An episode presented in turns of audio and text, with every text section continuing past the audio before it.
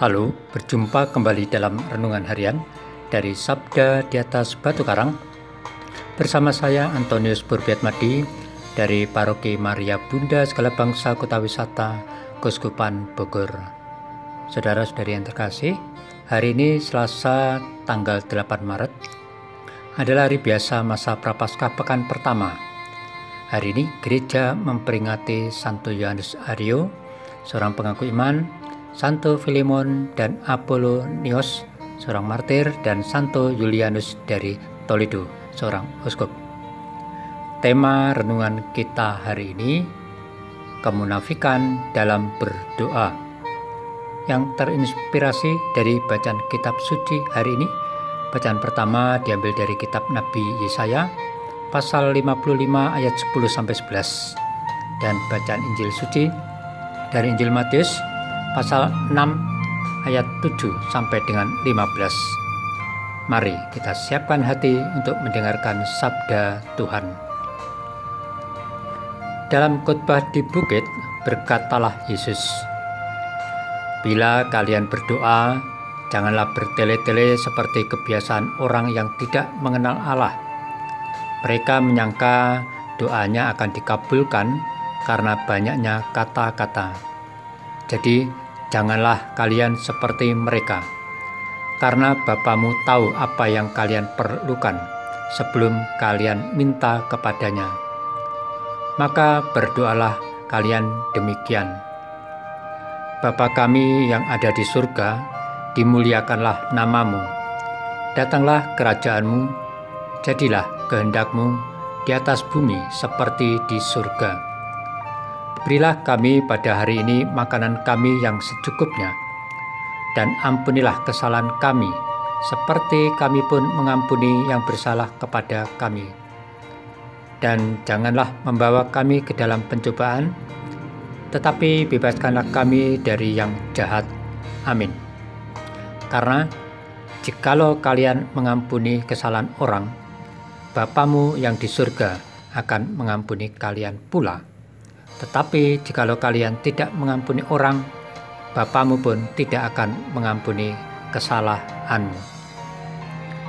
Demikianlah sabda Tuhan. Terpujilah Kristus. Saudara-saudari yang terkasih, biasanya orang Katolik itu sering menolak jika diminta untuk memimpin berdoa di depan banyak orang Alasannya macam-macam. Ada yang merasa malu, tidak bisa mengungkapkan dalam kata-kata atau gaya bahasa yang baik, dan sebagainya. Sementara itu, kita tidak akan malu-malunya berdoa di saat memiliki masalah atau kebutuhan yang mendesak. Dalam bacaan Injil pada hari ini, Yesus mengajar para muridnya tentang hakiki dan sikap hati dalam berdoa. Dikatakannya bahwa Allah sudah tahu apa yang kita inginkan. Namun dalam hal berdoa, hendaknya tidak usah bertele-tele atau banyak kata.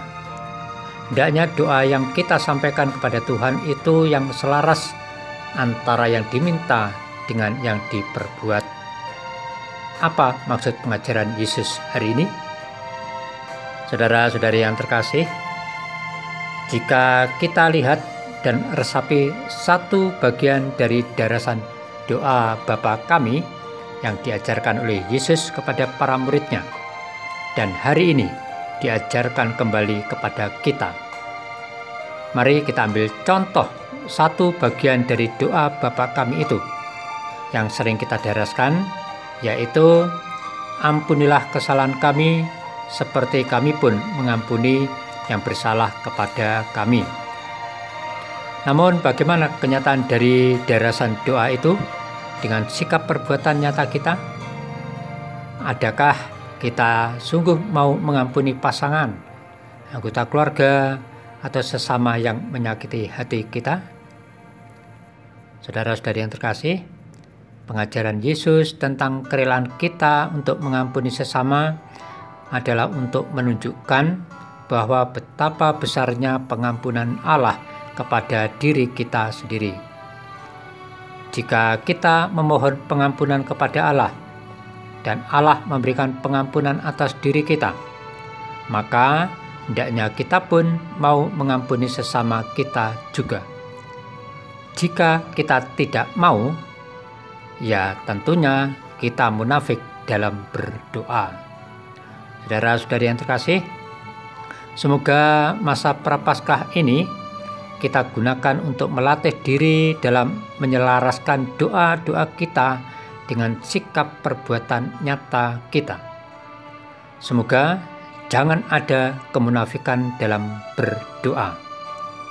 Mari kita ingat pengajaran Yesus hari ini tentang berdoa, yaitu Allah mengerti akan doa kita Allah tidak terpengaruh akan panjang pendek atau rumusan gaya bahasa doa kita. Allah hanya membutuhkan sikap kerendahan hati dan ketulusan kita, serta haruslah kita berserah kepada kehendak Allah. Ya Yesus, betapa Engkau mengetahui segala doa dan harapanku. Amin.